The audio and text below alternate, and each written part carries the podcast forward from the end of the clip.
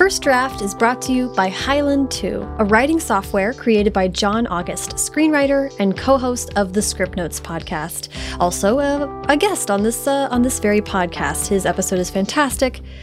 And uh, after talking to John and listening to, you know, hundreds of episodes of Scriptnotes, I heard him talk about developing this writing software and I decided to give it a try. I just finished writing a first draft entirely in Highland 2, and I'm obsessed with it. And um, here's why I love Highland it's so simple, but it's still really powerful. There's one navigation sidebar, and within that sidebar, you have tons of different tools at your disposal. You can drag bits of text in there that you might want to come back to later, or you can monitor your stats like word count and page count, or new words and new page count. The main screen where you write is this simple, endless scroll of plain text. But with just a few keystrokes, you can add notes to yourself in line without them showing up in the final automatically formatted version of your book. And you can export into many formats, including as a Word doc. Highland 2 is clean, beautiful, and organized which is to say, it didn't distract me. It just let me get in there and focus and write. I highly encourage you to go check it out.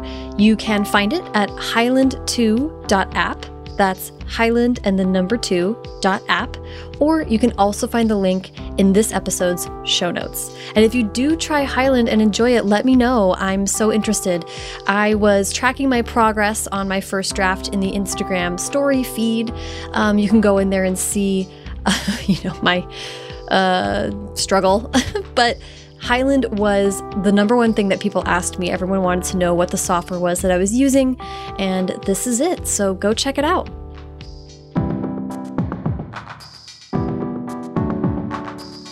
Welcome to First Draft with me, Sarah Enni. This week, I'm talking to Elizabeth Acevedo, New York Times bestselling author of The Poet X, winner of the 2018 National Book Award for Young People's Literature and the Printz Award for Excellence in Young Adult Fiction, and many more awards. She is also the author of With the Fire on High and her most recent novel, Clap When You Land, out now. I loved talking to Elizabeth, and I loved what she had to say about how being competitive made her a better poet uh, how helpful and painful creative writing programs had been for her, and the burden of assumed autobiography. Everything Elizabeth and I talk about on today's episode can be found in the show notes. Those are at firstdraftpod.com. And as a reminder, First Draft participates in affiliate programs, specifically with bookshop.org. So that means when you shop through the links on firstdraftpod.com, it helps to support the show and independent bookstores at no additional cost to you. If you'd like to donate to First Draft, either on a one-time or monthly basis, you can do that at paypal.me slash firstdraftpod. Track Changes has been appearing in the First Draft feed for a minute now. Those are the episodes in the mini-series about traditional publishing in the U.S. So far, we've talked about Publishing 101, agents, selling your book from the perspective of the author and agent and from the editor and publisher's point of view. We recently got into how authors get paid.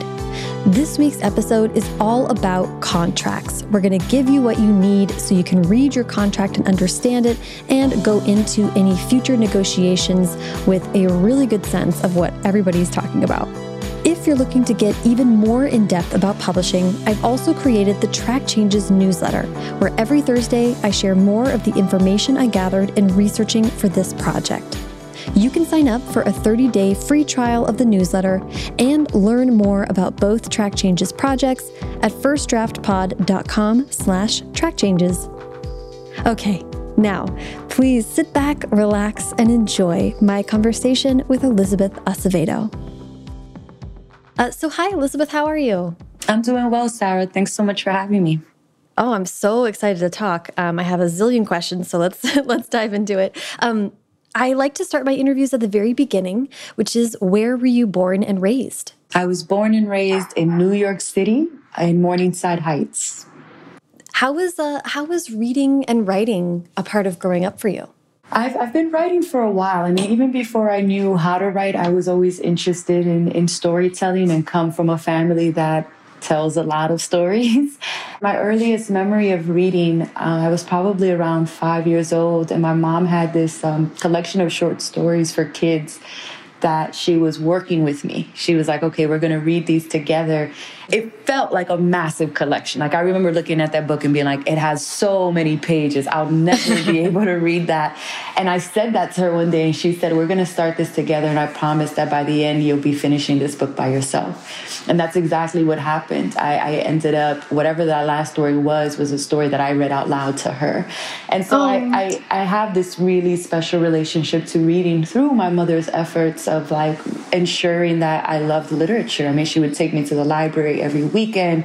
We had a lot of independent bookstores in, in our neighborhood. And, you know, she never made it seem like I, I shouldn't or couldn't access those spaces. Mm, I love that. Um, I heard that your grandpa memorized riddles. He did. He was so, I mean, it was incredible. He could really spin a riddle for like 20 minutes just and it's it's traditional in, in a lot of latin american countries and certainly in the dominican republic to memorize these stories and these kinds of um, play with words and um, jokes like and so there's this elaborate kind of storytelling that were these riddles. I just remember you know being a kid they came to the us both my grandparents when i was five and mm -hmm. he would he would walk me to school and so the the riddle telling was a big part of our walking to and from school and my like okay what is he going to be able to tell me today i love that that's actually that's also so interesting that that's I love thinking of riddles as, as a form of storytelling, and I love that you have the connection between like physical movement and that kind of storytelling. Like that feels kind of significant.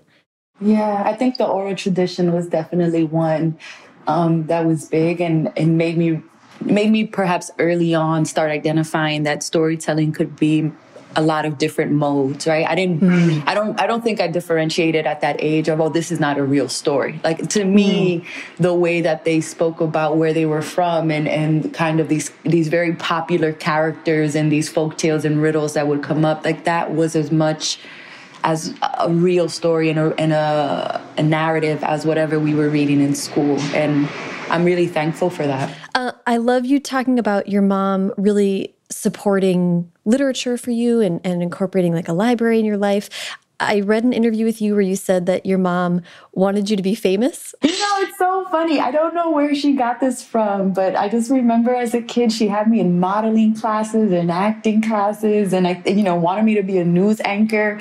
There was a oh. really famous Dominican news anchor who would be on um, one of the Spanish channels, and she was kind of my complexion, and and I think my mom just like loved the idea of my I don't know, being at the forefront of, of communication. You know what I mean? Mm. Like so mm. much of what they understand of this country is based off of what they can see on the Spanish language news. That's how they mm-hmm. understand and can conceptualize what happens when when they don't have enough English to grasp what's going on. And so I think for her, it was like my daughter can be that bilingual entryway for so many of us.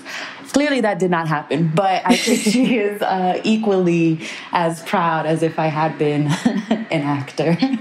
yeah, I mean, I, it's so interesting to me, and also it feels like such a gift. Look, I mean, everything you just listed those are all skills that you are using now, I think. I agree. You know, and a lot of narratives of, of immigrants who come to this country is they want you to be a doctor or a nurse or an engineer. And I, I kind of think it's special that my mom, to some capacity, was thinking of art and communication as as just as important and potential um, career paths for me. But uh, yeah, I am. Yeah. I am using a lot of the skill. Maybe not the modeling as much, but all the other things are coming in quite handy.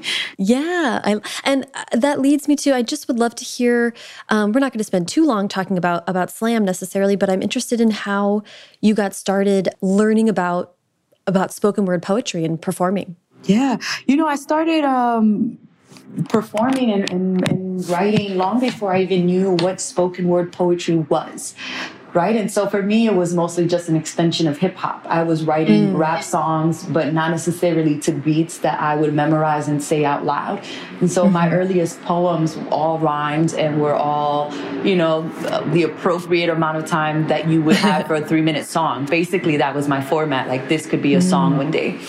And so it, it is a, um, that was the entryway. When I went to high school, I joined the poetry club at the at the behest of a teacher, and I remember her asking me like, "Oh, you say like you write, you should join the club." And I was like, "I'm not a poet. Like I told you, I'm a rapper." Like I thought it was this like huge distinction, and like how dare she even try to bring me into her little poetry club? but it ended up it ended up being one of the best things that could have happened. I mean, it was one of the first times that I got to really confront a lot of different kinds of styles and subject matters and my you know you learn every teacher knows this that students learn so much from each other. There's just something mm. about being in proximity to someone else who is also trying to grasp the information and you share with each other and i think that that's what happened. I learned more from the other teen poets and what was possible that that i hadn't you know from any instructor i'd had until that moment. And so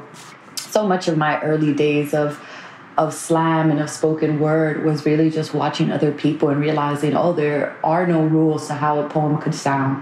But it was through that club that I was encouraged to to join the Urban Word Poetry Slam, which was a, a big teen slam in New York, still is a big teen slam in New York, and and that kind of opened it up. I mean, I remember going to the New Nuyorican and getting on that stage, and it was my first time competing and just becoming hooked with the mm. energy of the room, with realizing that there were things other people said that made me want to cry. There were things I said that made people really emotional, and just that connection of, oh, we are all here and um, and present and receiving and offering work.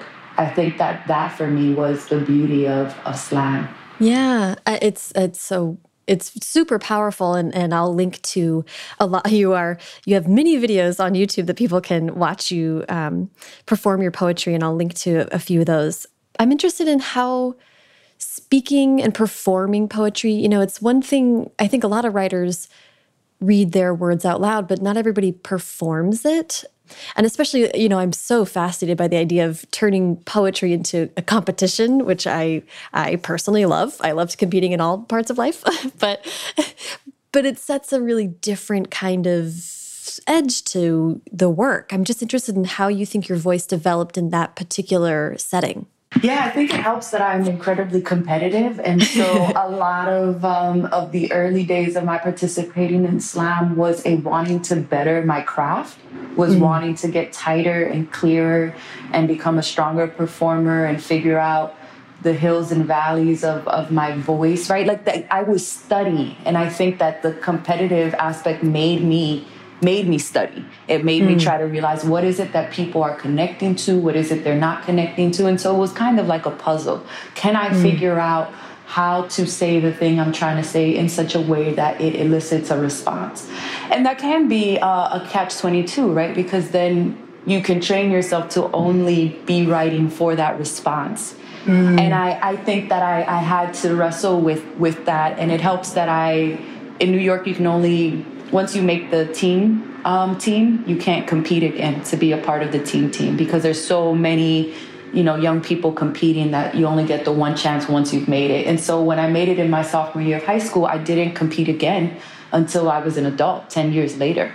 And so i had a lot of time where i could observe and and watch and listen but i wasn't in the limelight. And i think it helped me really break away from the idea of I have to delight audiences. Like I can challenge and I can um, make incredibly uncomfortable. And it's not just about a really dope bar or a line. It, it is about I'm trying to create a cohesive piece. And so I think that the space gave me what I needed from it. And then my departure from that space also served me in many ways. And when I went back, I, I felt like I went back to slam on my own terms and so in mm. 2004, I made the, the teen team in New York City, and in 2014, I made the adult team in Washington, D.C. But that 10 year span taught me so much that by the time I went back to competition, I felt like I had been working towards uh, refining my voice in a way that felt uh, true. Does that make sense? Yeah. It absolutely I does. think it can be a really generative space as long as you don't let the competition overtake the the the fact that you are trying to connect to other people. And I was lucky enough that my coaches and my teachers and the people who supported me in competing never let me lose sight of, but say your thing in your way. Don't worry about a particular cadence. Don't worry about what you think an audience needs to do. Like, just worry about continuing finding your voice. And so mm. I think if mm. you enter with that way and that kind of guidance, um, it can be incredibly generative. Yeah, wow. I really love that. And I love the that's so astute to note that like if you were just focused on delighting audience, that changes subject matter, that changes attitude, that changes everything. And wanting, yeah, oh, I love that. I am I also am very competitive. I do feel like there is like you're saying maybe it takes away some of the preciousness, like a desire to improve means you sort of if you see something's not working, you can maybe put it down a little bit easier if you're like, I just really want to be better.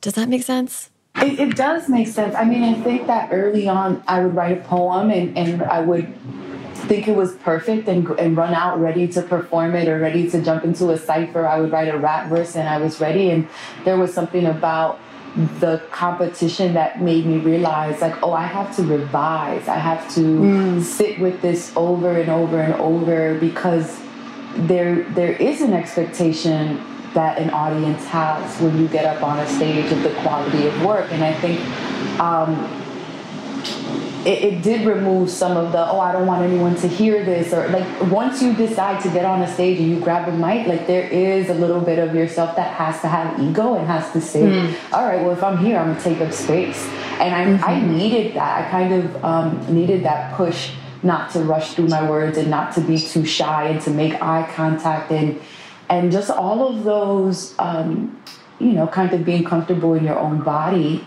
practices mm-hmm. that I had I, I couldn't be precious with myself anymore. I kind of mm. had to mm. step up for the performance I knew I could give.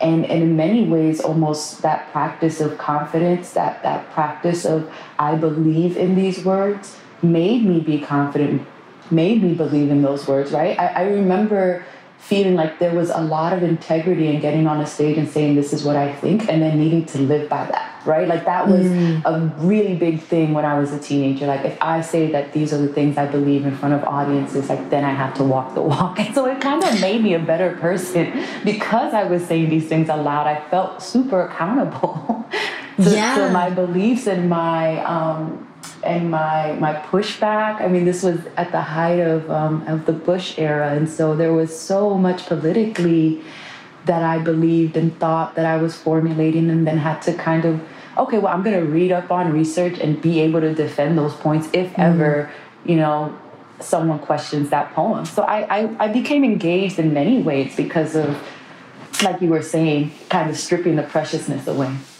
Yeah. I want to lead into college and what and what you studied and kind of how your writing was progressing kind of as you grew into adulthood there. Do you mind talking about? I, I heard that you created your own degree in undergrad. I did, yeah, and that was what uh, where I was going to start. Um, yeah. And so it, it, helps to know that I had already uh, kind of moved away from slam a little bit, partly because of the opportunities that were available for me as a teen in New York at the time, but also because I was having some of these questions about competition and whether mm. or not that still served my writing. And so when I went to to college, I wasn't interested necessarily in competing anymore, which is why mm. I didn't get involved with the DC slam community here until much later. But I did want to keep performing. And I knew that I loved delivering my poems. I knew that I loved the the writing that I was making and what felt like it was really representative of, of where I was from and um, with what I assumed was a unique point of view, right? Mm-hmm. But I didn't know what I wanted to study.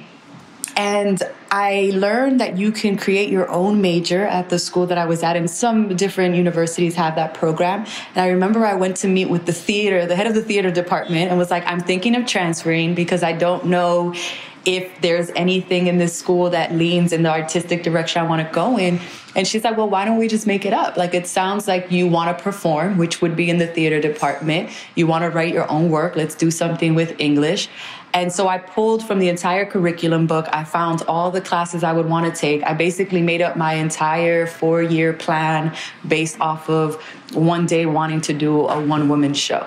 Mm. Um, which I did for my honors thesis. But it was really my kind of um, and a lot of my university experience was what is it here that I need in order to make? And so I, I, started a poetry club on campus. I participated in a couple of the plays and brought poetry into the like regular theater productions, but figured out a way to like finagle my way in. And so it was a lot of I know the creative pursuits I want to do. I'm going to figure out how to transform this space so that I can do them. Ooh, I love that. And I love that you had another adult in the room helping to make sure your education could, you know, like having the in high school, having someone in, introduce you to the poetry club and having someone in college introduce you to creating your own major. Like those moments are so huge. Yeah, I, I, mean, I was, I feel like I've had a couple of experiences that have been really challenging and made me question whether or not I've, I felt like I should be in a space, but also had experiences with amazing mentors. And so Leslie Jacobson, who was the head of, of the theater department, really kind of championing me was was incredible right? And and and kind of helped counter the moments in creative writing class where i was being told this book is too urban or these these poems um, are too inner city. Like there was that that balance of well here is another another voice in academia who is actually saying no what you are saying and how you are saying it is something worth working on. Just just kind of stay the course. Yeah. I, I love that. And i do want to ask about what you're so at this time you kind of are able to craft a major where you can work toward a one woman show but you're also still writing. Like what was your writing like at that time and what were you exploring I was writing mostly poetry. And so I, I, took every poetry course that one could take at my college. And so the one woman show I imagined would be through poems. Mm. I, I had studied Anna Deavere Smith um, and Sarah Jones, who both have one woman shows that use monologues and poetry. And so for me, that was the direction I thought I could see myself um, going in. But but I was also taking fiction, right? And actually, the only formal fiction course I've ever taken was was at was at college. So a lot of what I know, my foundations of of at least writing fiction, were during that same time period. So I was exploring different forms, but very much also focused on poetry. And yeah, I heard at that time. Uh, um, I read an interview where you said at that time you were getting pushback, as you just said, like on your style or questioning whether to introduce Spanish or can you talk a little bit about what it was like to to encounter these like resistance to your work? Yeah, and I mean, I think it, it, it happened both in my undergrad and in my my grad school degree, in the pursuit of my grad school degree, where you know I think very well-meaning classmates and professors had a very particular notion of what poetry had to be and hmm. sound mm. like, and so the you know this sounds way too much like slam. This sounds too inner city. This is really urban. Why does this Spanish word appear? You know, questions that one would ask in a workshop. Perhaps mm-hmm. but but it but it wasn't like oh i wonder how this word being in spanish is advancing the poem as much as it was oh i wonder why this word in spanish was put here if the writer knew i would stumble like it was you know what i'm saying like the way mm-hmm. that it was approached often felt like it was less about what is the project the writer is trying to do versus what is the comfort of me as a reader that I need.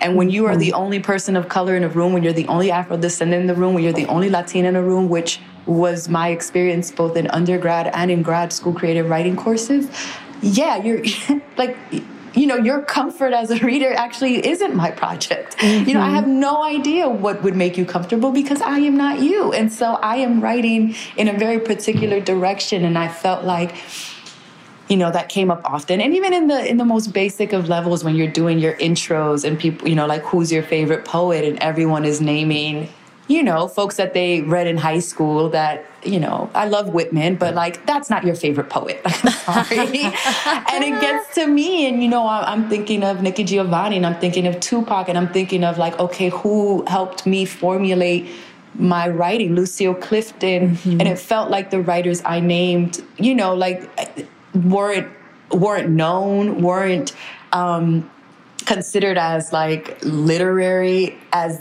the other folks meant. Like there were just these subtle moments that made me often feel in those spaces like I'm learning a lot here, but but but also it's it hurts to mm-hmm. learn here you know mm-hmm. which is a mm-hmm. really strange thing i think to carry like i know this is serving me in one capacity because i am expanding what is creatively possible i am crafting in new ways i am reading a ton but also i'm not sure it's supposed to be this painful yeah that's that do you think that you i mean because it seems like you were really resilient in the in the face of of people like questioning I, you know, I like how you how you put it. It's really more of like uh, their perspective was off. They weren't asking like why you were making these intentional choices. They were sort of interrogating like why is this not like what I'm used to seeing.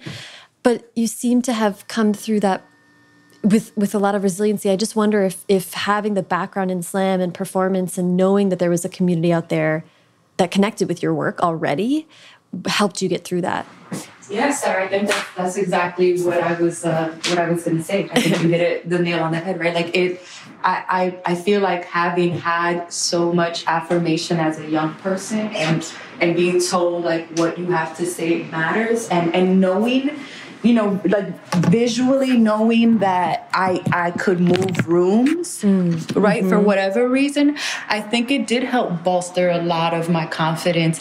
Even at my lowest point, there mm. was that little voice that, but there are people who who would find this work important. Like there are readers, there is an audience. And the thing is, you can forget that, right? We're talking about 10 years later. Mm-hmm. And so to some extent, you can't rest on your laurels of, a, of what you did as a kid. But on the other end, there was that little bit of, of hope in me that, okay, if my writing could do that then, and my writing has grown and changed so much, it might still be able to do so now.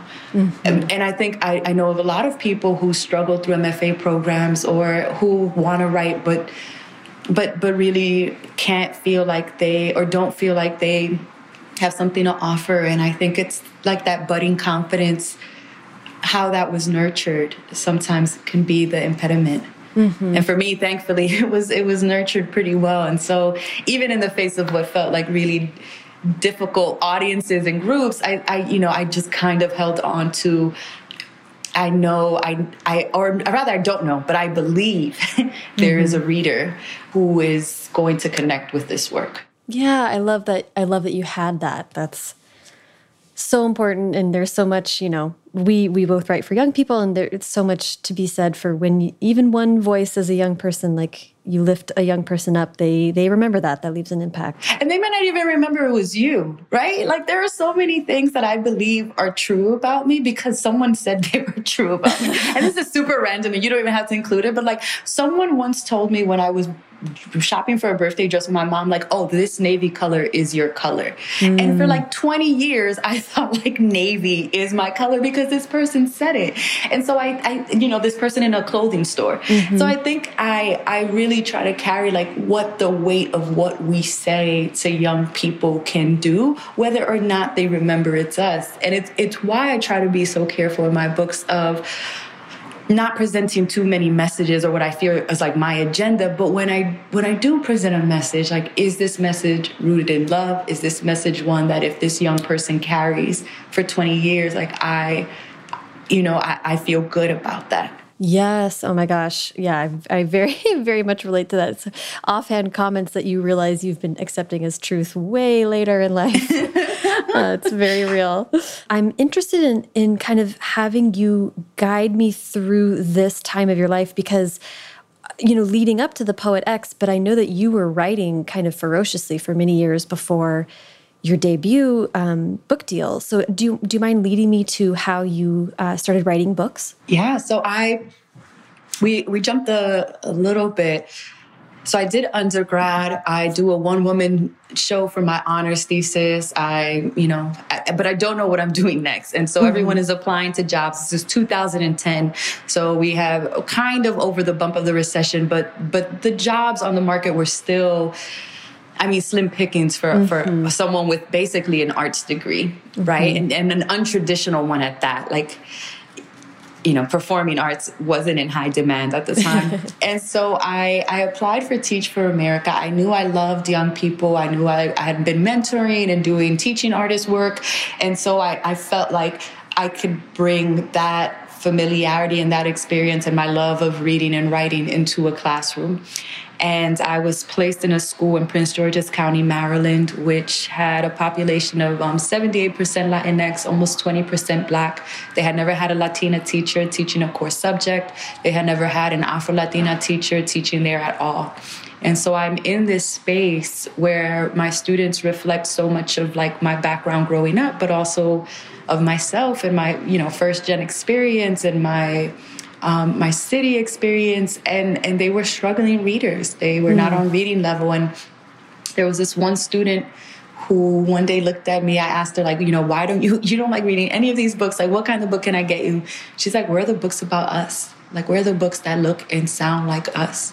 And so the day this student asks me that, I like kind of had to sit with, I had known that there was a lack of um, representation in the books that were coming out at the time. It, it never felt like there was enough, even when I was a reader. And that's not to say there weren't books.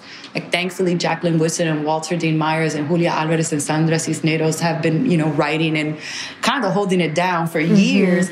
But it also felt like there hadn't been new voices in a while and not new voices that had been catapulted, right? Mm. Where we would know, like, unless you were searching for it diligently, it wasn't the kind of thing where you know everyone is talking about the same kinds of books or books that my students um, knew about or that i knew about and so mm-hmm. i'm sitting with that and I get a call from a former teacher and mentor of mine named Phil Bildner, who writes middle grade books.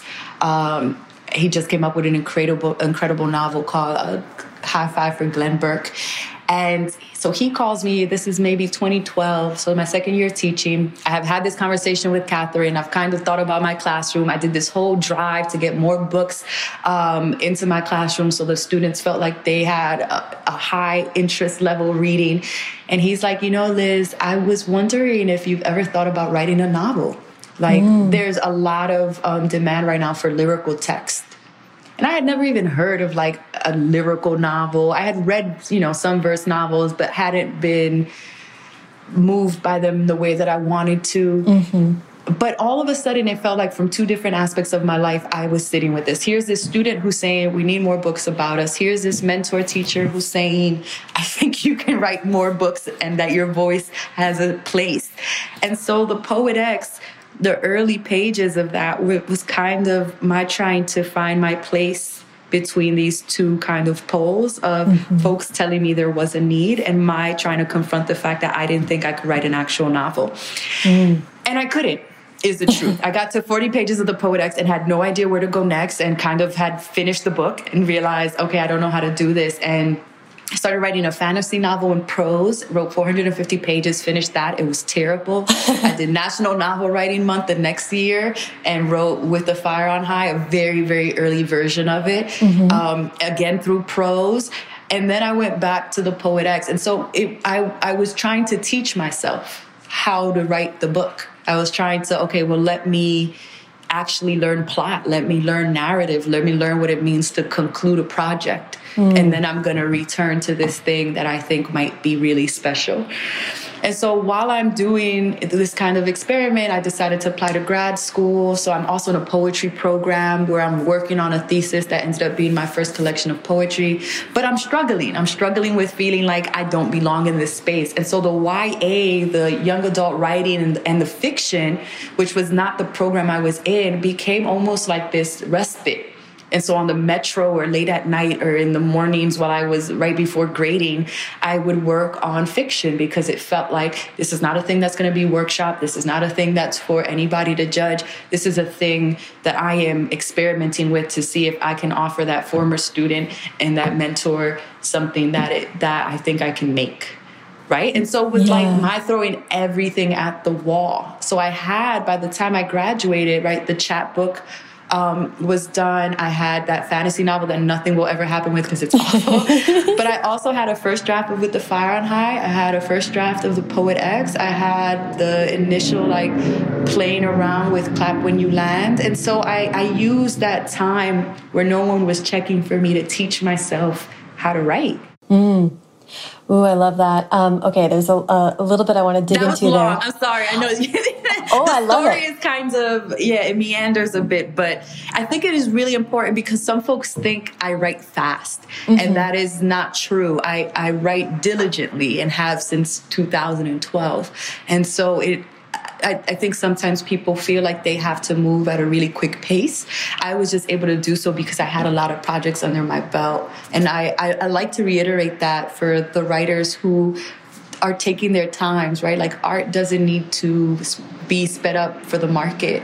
If it happens, that's great. But I know I'm at a point now where I don't have any drafts under my belt and like it's gonna take time. Mm-hmm. And I'm okay with like slowing down despite feeling like people are telling me like you know speed up.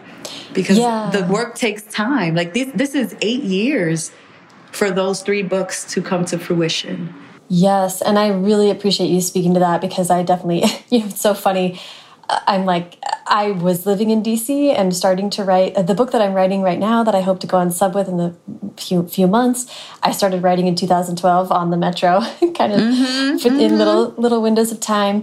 And like you said, like I, I wrote a bunch of books, and then my first one came out, and I was like, well, I got like four or five back here that are in varying degrees of um, yeah. shambles. Yeah, yeah so right, I, right, right.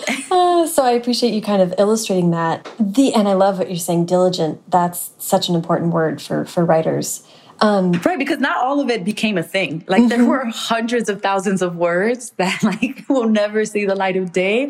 But I think that that's part of that diligence. Like mm. I'm not actually sure what I'm going after, but I know that that I need to to see what I'm capable of. I think sometimes people want the goal of like the book is going to do this big thing, but for me it was more of like I just need to know I can see projects through and and can figure out what this is later.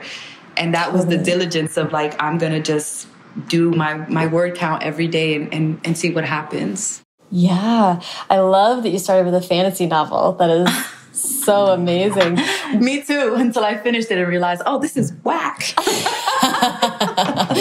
I do have so it's really interesting to me that you kind of like a, a, a light kind of came on and thinking I'll, I'll tackle a a novel that you leapt into prose and like i mean not only are you talking about writing a novel but a fantasy i mean like you really gave yourself a 401 level challenge like right out of the gate yeah oh and for someone who doesn't plot it was like you have to plot a fantasy novel i mean unless you're like you know George Martin, right? Like you have to you have to kind of think through the world building. And so mm -hmm. that was I think completing something that at points felt like an impossible task was probably the best way to get my feet wet because everything after that feels a little bit easier. And a mm -hmm. novel in verse is a hard thing to hold in your head because it's so many pieces of poetry that there were times that I really couldn't remember, like, where in the plot is the character? Physically, where is the character, right? Mm. Because I've been in her head, but I haven't but there hasn't been action.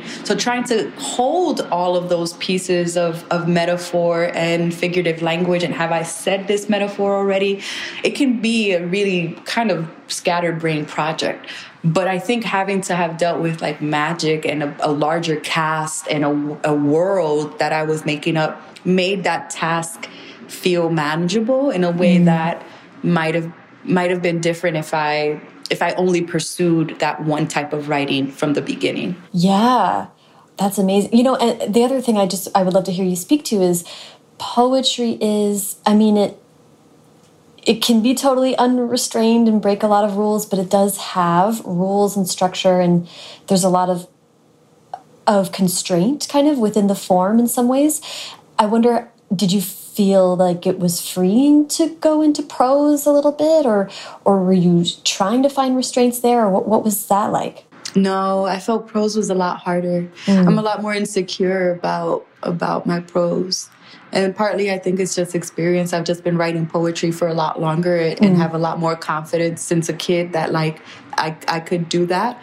Um, I feel like with prose, I, I, always felt like I just, I don't know enough grammar. I don't know enough sentence structure. I just, you know, which like is funny, but also like this, this kind of chip on my shoulder of like, I, I never learned the rules. Like mm. my schools didn't teach me the rules, and I can't do this unless I know the rules. So mm. I think mm. partly what stopped me from feeling like I could write a book was even as an English teacher, feeling like I just don't have enough of a grasp of of the formalities of writing right and so mm. i think partly jumping into prose was my my saying well if this is the thing you're most afraid of let's figure it out and it's probably why those first two books i completed were in prose was just my saying you can do this in any form, mm-hmm. including the one you want to do, but but this one that feels incredibly difficult too. And once I, you know, I kind of figured out good writing is good writing and, and you can you can teach yourself anything but voice is really difficult to teach and mm-hmm. that i had I, I, felt a little bit more comfortable but but yeah i think it was the challenge of, of the sentence that i was moved by the yeah. the poetry then felt like the easier thing. Okay, now that I've I've figured out how to do what I consider a traditional book, a, a traditional novel, let me go do that that really kind of off the wall thing that I was attempting from the beginning. Ooh, ooh I love that. Um, and that's so funny because to me poetry seems so intimidating. It's it's so um, it's so me pared too. down. Um, yeah, for sure. But amazing. So I think you, so Beast Girl and Other Origin Myths, you said that was your thesis project, is that right?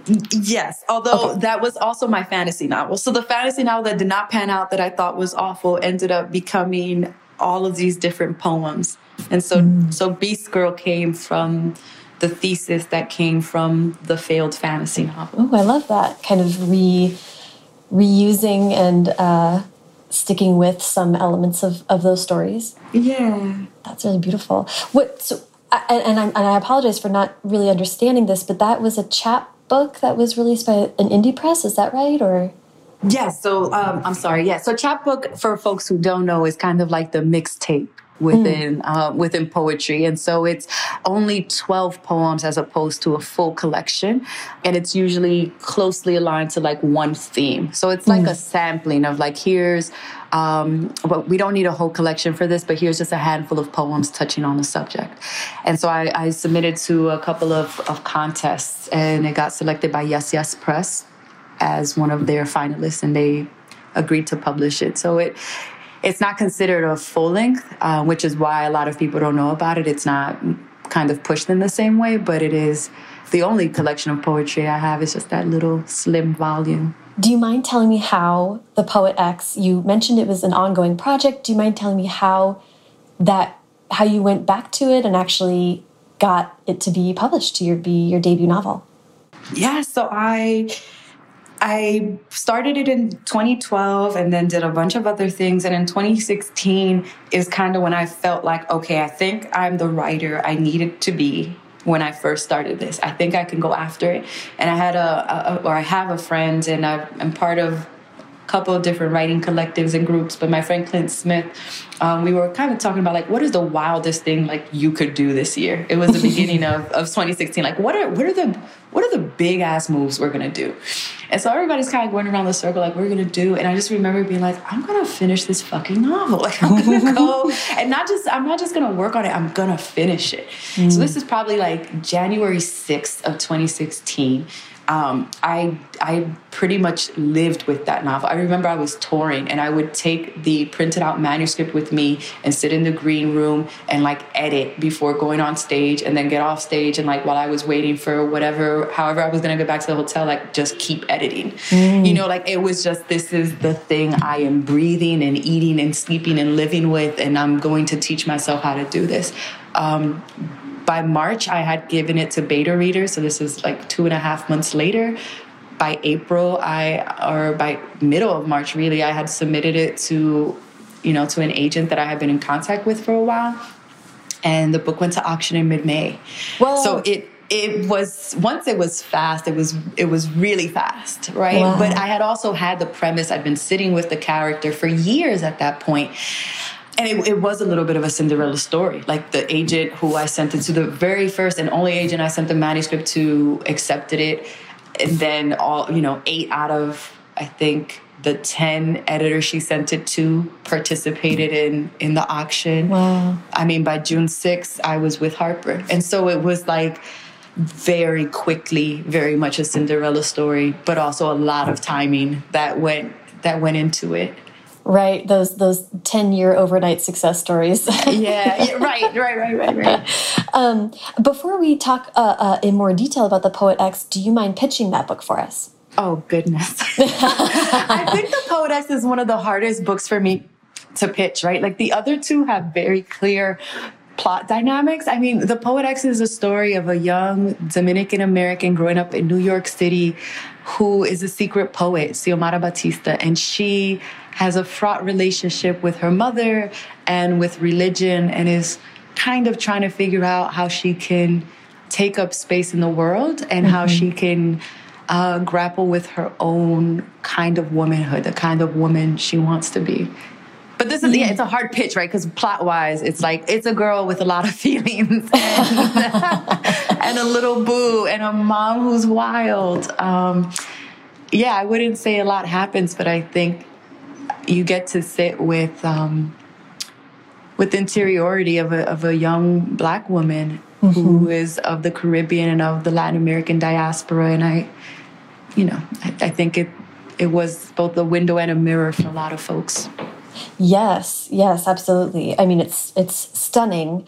I, I want to ask about. Uh, I read that you you said you self plagiarized. You looked at your own I high did. school diaries. I totally did. I keep all of my journals, and so I um I went back in when I was writing and, and part of it was calibration. Like, you know, I think partly when I, when I left with my MFA and had been working on my chapbook, a part of me wondered if the voice felt like uh, almost too learned Mm-hmm. Right? Like mm-hmm. if I'm writing from a 15 year old, like there are going to be ways that she writes and, and words that she uses and metaphors that are going to be different than my own.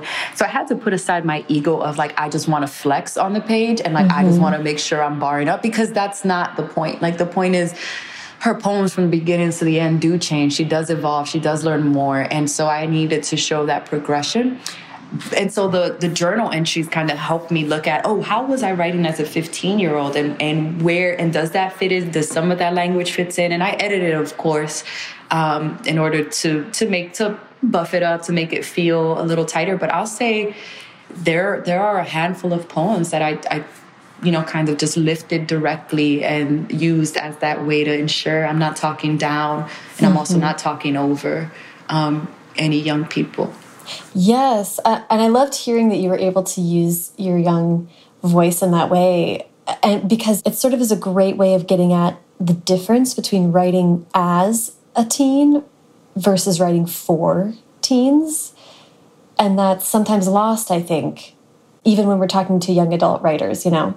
Yeah. I mean, I just, I think if you're writing YA, it, it helps to speak with young people. Mm -hmm. And so I, I I try my best to like keep my ear very um, to the ground and then try to really listen when teens are talking and like what are they listening to and i'm not on tiktok but like what what's the latest trend like mm-hmm. i think mm-hmm. it's just important to actually engage with you know with actual kids like i just mm-hmm. i don't know how you write for a population that you um, don't attempt to keep up with right or are like scared of or intimidated or, by. Or like don't like. You know, like yeah. the number of, of authors that I've met that I'm like, I'm not entirely sure you even like young people. But you know, and so I I just yeah, I try it's to true. keep love at the forefront and also um I think there's so much creativity in how young people talk. There's so much turn of phrases and the way that language evolves. I think it evolves at light speed when you're a teenager. I mean, you are just making up verbiage with your friends you are you are making up your own internal language in a way that happens in any relationship it happens when you're older but there is i think something about just how much information you're receiving mm. in those teen years and then how you are trying to formulate language around it that I think is super creative. So just mm. at that level, like I'll hear a piece of slang or a new term that that young people are using. I'm like, there's so much texture there. So I'm also just, Uh, you know, at the level of the line and of language, I'm really fascinated by listening to young people. Oh yeah, no, I, I love that too. And there's there, I love that in writing for young adults we get to do. I think we were maybe maybe the first category to be like, no, you need to learn how to format a text message in this book. Like we need to start putting all caps and text messages and DMs and everything, and like you got to figure out how to put this on the page because this is yeah. how we're communicating. I want to, so, you know, we, we're talking about you incorporating a lot of your younger self and younger perspective. But I want to ask about how, about the burden of assumed autobiography. Yes, let's talk about it. I, I, mean, I would love to hear what you think about it because I know women in particular are always asked about whether their books are them, you know, in the in a way that men are not. And then writers of color, I think, face this double, you know, exponential. So how how has that been a factor for you with this book? Yeah, I mean, the Poet-X, it's it's like the number one question I get both in interviews and at events. Like, is this you? Mm -hmm. And I've I've tried to be thoughtful that partly what I think it is is that people really feel for Xiomara and like mm -hmm. hurt for her, and so they want to know like, is what I felt for her should that be extended to you, mm -hmm. right? I think sometimes, particularly when it's young people, it's that there might be something shared in some of the trauma that Xiomara faces. And so I think they want to know, like, you know, are are you are you someone who has also faced this thing that potentially I'm facing? Like, I think mm-hmm. sometimes it's just like wanting that affirmation, but I think sometimes it's just a blind curiosity of like the titillation of what happens in the book and like wanting to to map it onto me. Like mm-hmm. now, this person I'm seeing, like I, I want to I want to know the secrets of your life, and I know the secrets of this book. And so this unlocks that. And that's where I kind of just feel like it doesn't, I don't know the why of the question. You know what mm. I mean? Like, I think what I'm getting at in this answer is that the why of it being asked matters to me, and yet I don't get that when that question is asked. So I just have to make assumptions about where the curiosity stems from and some I'm more inclined to care about, and some I just you know that that's just reading like that's just reading you empathize with the person who does not exist mm-hmm. um, and and for me it it it's hard right? Because it, it feels like I, i'm having to defend a lot right? I'm having to say no that's not my mom. No that's not my mm-hmm. exact experience. No that's not how i was treated in a way that feels like it does a complete disservice to you can be creative and make up characters that are related to or in conversation with or um, inspired by things that have happened in your past without that being autobiography. And in mm-hmm. fact, I would argue all fiction at some point has to borrow from people you know and language you've used and scenarios you've been in. You know, whether it feels like your own life or not, you are borrowing to make.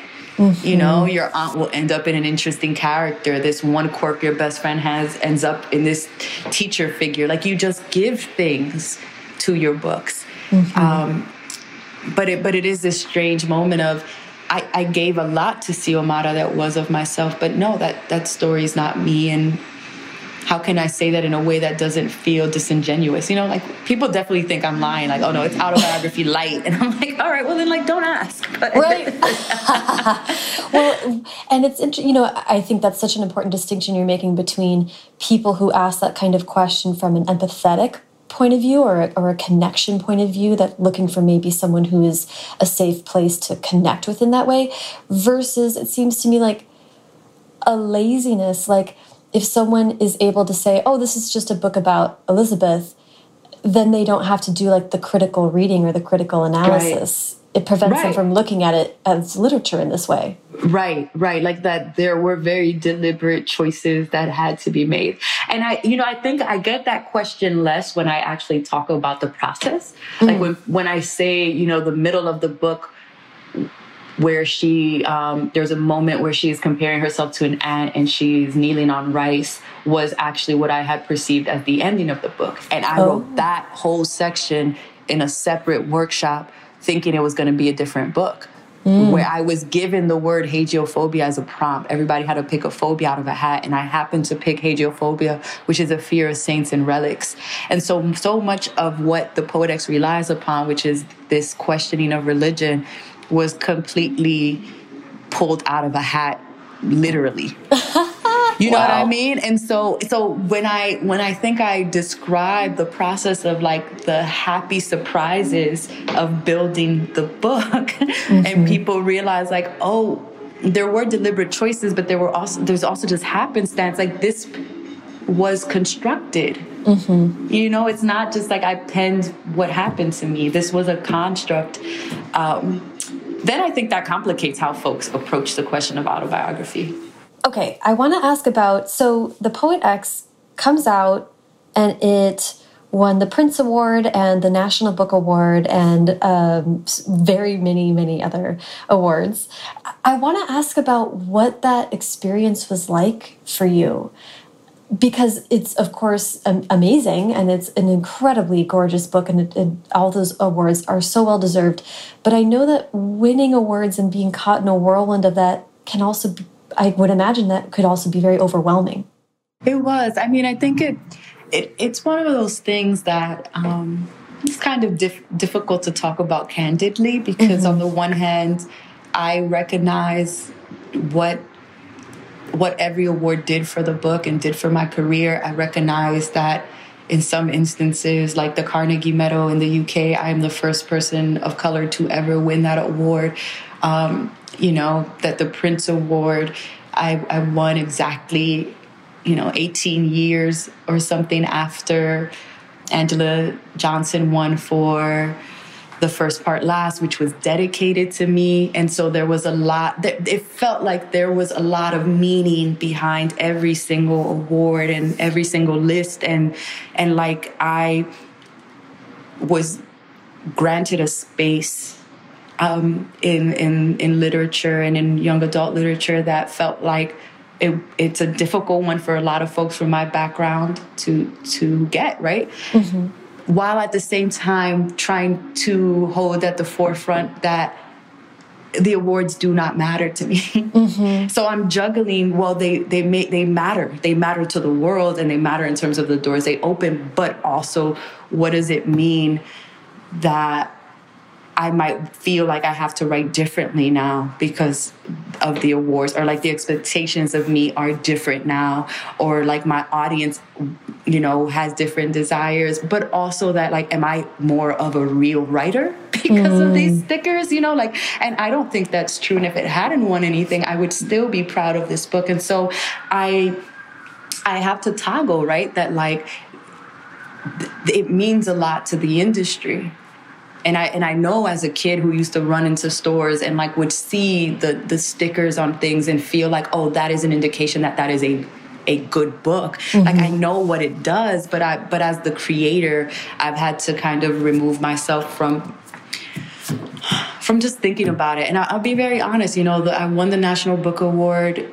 november 15th i think and november 17th i was at a book festival where they released the arc for With the Fire on High. And it was one of the most overwhelming experiences of my life to be celebrating one book and also about to push a second book into the world and realize, oh, the comparisons begin today. Mm. like not even a day after this massive celebration. And and it's scary, right? It's mm-hmm. scary to think people want something from me and and I'm not going to give you that again. Like I mm-hmm. refuse to write the same book over and over. And so yeah, what what could that mean for my career if I kind of figured out this is the formula, this might be the thing, and I'm also rejecting that at the next turn of like, well, I didn't write for the formula, so we'll just see what happens if I kind of just keep following the voice inside of me that's like, okay, now the next thing. Now let's mm -hmm. keep mm-hmm. experimenting. Now let's keep playing. Now what else is possible? Yes and and that's and that's exactly where i'm kind of coming from with the question is like as a creative person there's so much that happens with the door closed by yourself you know and then once you open the door and air comes in some it's it's beautiful and wonderful, but some of the magic is gone.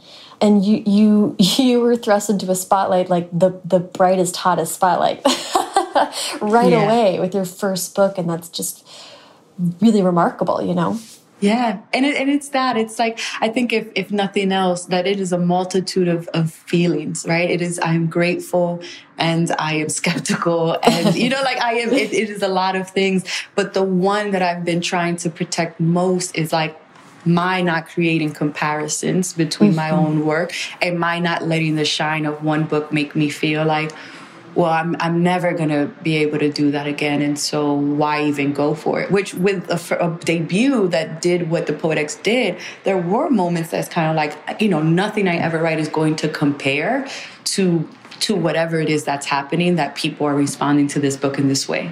Mm -hmm. you know? And so like what does it mean to keep putting out work anyways if what you think is your brightest thing is already behind you. And, and I, I feel like that was a really important kind of journey. And I'll say I'm, I'm maybe still on that journey of I refuse to like to lower my voice or to say that the stories don't have merit because I am attempting different things, right? Mm -hmm. Like I'm mm-hmm. going to trust that my readers need different things from all of these books and and that I don't even know what I might make and how it might resonate. Right. And so why yeah. shoot myself in the foot when when anything is still possible? Um, yeah, I love and that. if I could tie it back into slam, I know I've been like talking a lot. yeah, oh please, please. Um, I will say that I think the practice of getting up on a stage and getting a standing ovation or getting a perfect 10 and then getting up on a stage and getting an eight and then getting up on a stage and getting a nine or getting a 10 again. Like I think the process of making and putting out into the world and receiving feedback right away kind of um, made me really resilient in the face of what was really big success mm-hmm. of like well and the next book might be an eight or mm-hmm. a 10 or whatever but like i know that whenever i've thought this is the best poem i could have ever written that wasn't true mm-hmm. even if it was the most popular poem i like I know why I'm making and putting work into the world and what the making does for me. Mm. And so I I think it was um it helped to be able to have that to fall back on. That like I know what my process is and if I had stopped with my first really good poem, like I never would have written a book. Right. Right. Oh, I love that. I think that's that's such a good comparison to say like having the experience of getting up on stage. Like anyone who's even been in a play knows like some nights you have it and you just can't do anything but spitfire and other nights you're like what was that? Yeah yeah. And it, and it's and it's just it's the audience and it's timing. There's so many factors that sometimes aren't even the poem. And then mm. there's the poem right that does well regardless that you realize okay there was something i said here that was truthful and so it will work in any space and like that's what i'm going after Mm-hmm. I want to write the thing that is so honest and so truthful that like in any time period, in any moment, it it still sings. Yeah. And so like, let's do that. So actually, do you mind just like doing the real quick lead up to how bring us to uh, clap when you land? All right. Um, so with the fire on high came out a year and two months after the poet X, um, and it was in prose, very short prose, and it's the book of a teen mother who wants to be a chef. Mm-hmm. And my exploration there was like, can I write a different country? Can I write Spain? And can I write a different city? Mm-hmm. Right. So it's based in Philadelphia. And so still kind of trying to reinvent and trying to push what I thought um, I could do. And then Clap When You Land was the book that initially had been slotted to be the second novel, but it wasn't ready. Mm. And I knew it wasn't ready. And partly it was because when I finished the book, I only had it from the point of view of one character. And I remember talking with Ibi Zoboi. This must have been maybe 2017. And I'm telling her I just finished this manuscript and I don't know, something is missing. Like the heart of it, like I just I'm not moved by it, but I know the premise is dope. Mm-hmm. and she she was just so quick and was like, Yeah, you need the other character. Like we need the sister, we need the sibling. Like, why doesn't that sibling speak? And it like just opened up the doorway for that book. And when I started writing Camino's perspective, it changed the whole story. And, and in case uh, folks don't know, Clap When You Land is based on true events. A plane crash that happened in 2001, two months after the the planes that were flown into the World Trade Center. And it was a plane, so November 12th, a plane full of Dominicans crashes in New York City about three minutes after taking off and killed um, over 280 people. And it rocked my community. And I remember I had, you know, I had friends who had a father on that plane. I my father's friend from the barbershop was on that flight. And all throughout New York, people were responding to the fact that you know, it seemed like someone, everyone knew someone who was on that plane. Mm-hmm. So I've sat with that, that kind of moment in history for years, knowing I wanted to commemorate and I wanted to think through what it means to have really public tragedy and also intensely personal loss. And so the story Clap When You Land is about these two sisters who lose their father in a plane crash. One lives in the Dominican Republic, one lives in New York and neither one of them knows that their father basically had you know a secret family right that that he had them both but mm-hmm. they they don't know about each other and so clap when you land is is a story that's almost been 20 years in the making but also several years of of just trying to get it right yeah, and it, it is very ambitious, and, and I know we have to, to wrap up. But the la but I I'm glad you brought up the two points of view because that was what struck me just totally over the head while reading it. Was like this is absolutely incredible with with with verse to create such distinctive points of view and voice. Like, what was that like? It was really hard. it was really hard. And and probably because it was written in Yahaira's point of view the whole way through. And so I had to then go back in and refine her voice. Okay, she's from New York, so she's gonna talk a little more clipped, a little more staccato. Like her sentences are gonna be shorter. Um, I have her written in couplets, I wanna say. And so visually, how do I make her distinct? And so all of her work was written kind of like the Poet X, right? There was no particular form. Mm-hmm. So I mm-hmm. had to go back in and like create very clear containers. So one of them is written in couplets, the other one is written in tercets. But Camino, you'll notice, has a lot more long sentences, more run on um, imagery, she, less punctuation throughout, a lot more random idioms. And so it was also partly how do I capture this more island cadence and this, um, and particularly this part of the coast, mm-hmm. how, how it talks and and then their metaphors, right? I, I gave them very distinct kind of buckets they could pull from. So Camino wants to be a swimmer. She also wants to be a doctor, or she is a swimmer and she wants to be a doctor. So for me, her metaphors came from place, the Dominican Republic, but also healing mm. and um, and and and the ocean. Yahaira wants to be or was a chess player and doesn't know what she wants to be, mm-hmm. but she's deeply in love with her girlfriend, who is also her next door neighbor. She is also someone who is paying attention to what's happening in New York. So her metaphors come from chess and come from come from love and what does loving look like? What does it mean to paint someone's nails? What does it mean to braid someone's hair? So a lot of intimate touching and, and smaller moments that are particular to her.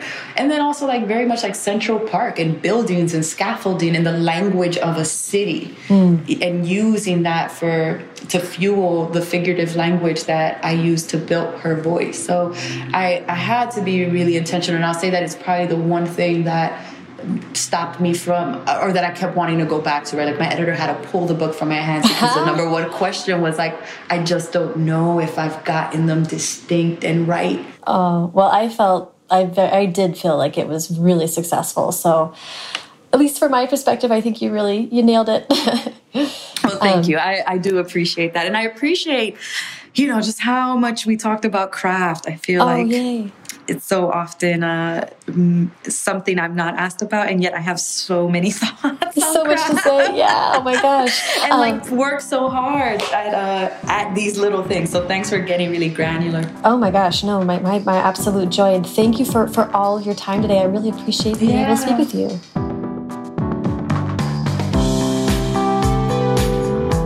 Thank you so much to Elizabeth. Follow her on Twitter and Instagram at Acevedo Writes, and follow me on both at Sarah Enni and the show at First Draft Pod. This show was brought to you by Highland 2, the writing software by writers for writers. A quick and easy way you can support First Draft is to subscribe to the podcast wherever you're listening right now. And if you have a couple minutes, leave a rating or review on Apple Podcasts. Leaving a rating or review on Apple Podcasts only takes a couple minutes, but it really, really helps the show. It gets us in front of new listeners, um, and it makes me feel good. I'm going to read a recent five star review. This was left by Elana K. Arnold. Elana says, incredible, insightful. Sarah Enni is an incredible host, and this podcast is a fantastic way to learn more about publishing and writing. Elana K. Arnold is an incredible author herself who has been on the show a couple times. You should absolutely listen to her episodes. She's so smart and wise and thoughtful. And I am just so grateful that she left that review. Thank you, Elana. Finally, if you have writing or creativity questions that you'd like me and a guest to answer in an upcoming episode, please call and leave that question at First Draft's voicemail. That's at 818 533 1998. Or you can record yourself asking the question and send that voice memo to me at mailbag at firstdraftpod.com. Haley Hirschman produces First Draft, and today's episode was produced and sound designed by Callie Wright. The theme music is by Dan Bailey, and the logo was designed by Colin Keith. Thanks also to transcriptionist at large Julie Anderson. And as ever, thanks to you, 20 Minute Riddles, for listening.